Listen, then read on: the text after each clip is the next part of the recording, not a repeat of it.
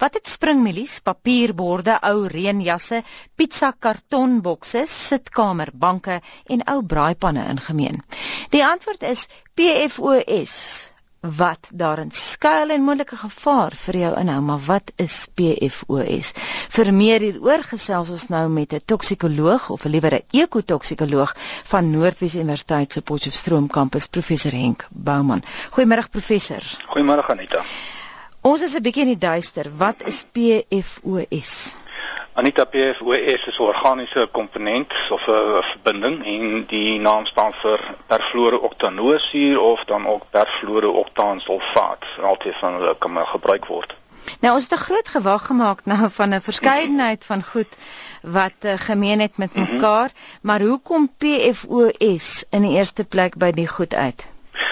Anita, een van die dinge wat die luisteraars dalk vinnigste mee sal assosieer is uh, Scotchgard, die ou Scotchgard uh, wat gebruik is om, jy weet, uh, materiale te impregneer om dan vlekke om te voorkom dat daar vlekke opkom.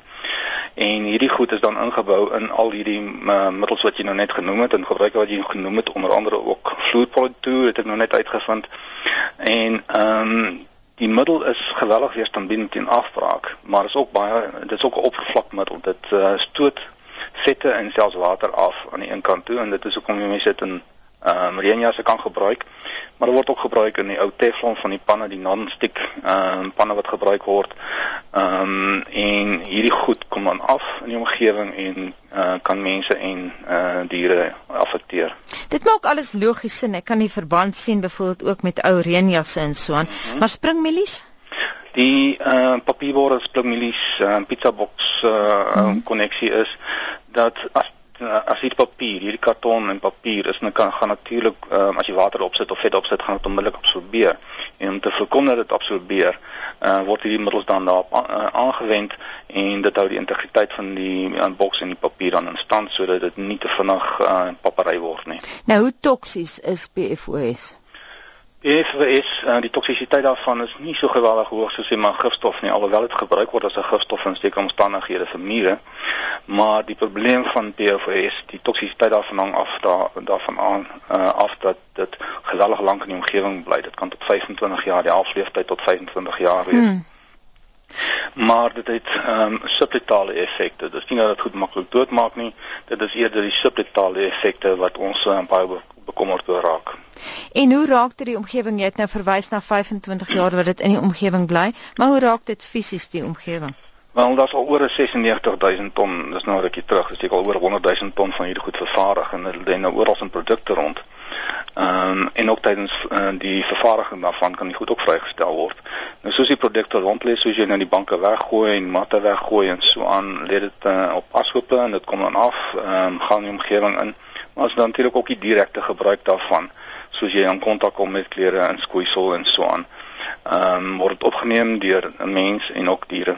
Mhm. Mm Neem die toksiteit daarvan nie af nie omdat dit so lank bly in omgewing uh ongelukkig nie. Ons gaan nog baie baie lank sit met hierdie probleem.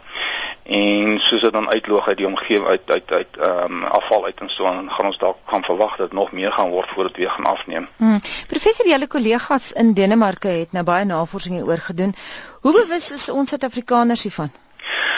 Ek dink nog nie ons is bewus daarvan presies nie. Ehm um, die een term wat genoem word en wat al meer opkom is obesogeen, met ander woorde iets wat vet maak. En ons het al lankal vermoed dat daar behalwe genetika en ooreet, doelbewuste ooreet of wat ook al, moet daar ander verklaringe wees vir hierdie uh, verskynsel wat ons almal meer en meer sien dat uh, mense vetter en vetter word. En uh die omgewingskonneksie um, begin al sterker na vore kom en uh die obesogeniese effek kan ons beskryf as 'n verstoring van metabooliese regulasies, die produksie van geslagshormone en dan ook die verstoring van energiebalans.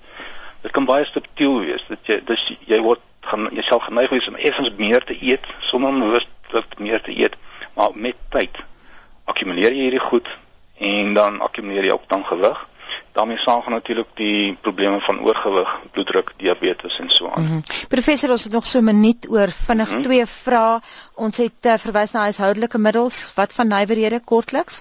Nywerhede is die gebruik daarvan uh, minder bekend. Ek kry moeilike uh, inligting daaroor, maar dit lyk of dit gebruik word in goudmyne om by erts uh, uh, beantwoording word gebruik om die sianiet te benat en dan kopermyne ook om die swaalsee dan te benat. Mm. En wat presies die gebruik en blootstelling en vrywaring daar vrystelling daarvan is, dit weet ek nie. En uh, wêreldwyd is daar riglyne? Ja, die Stockholm konvensie uh, met 'n komitee en ek was vir 6 jaar laat 6 jaar lank lid van die komitee gewees en ek was by gewees toe ons die ding uiteindelik nou verbân het.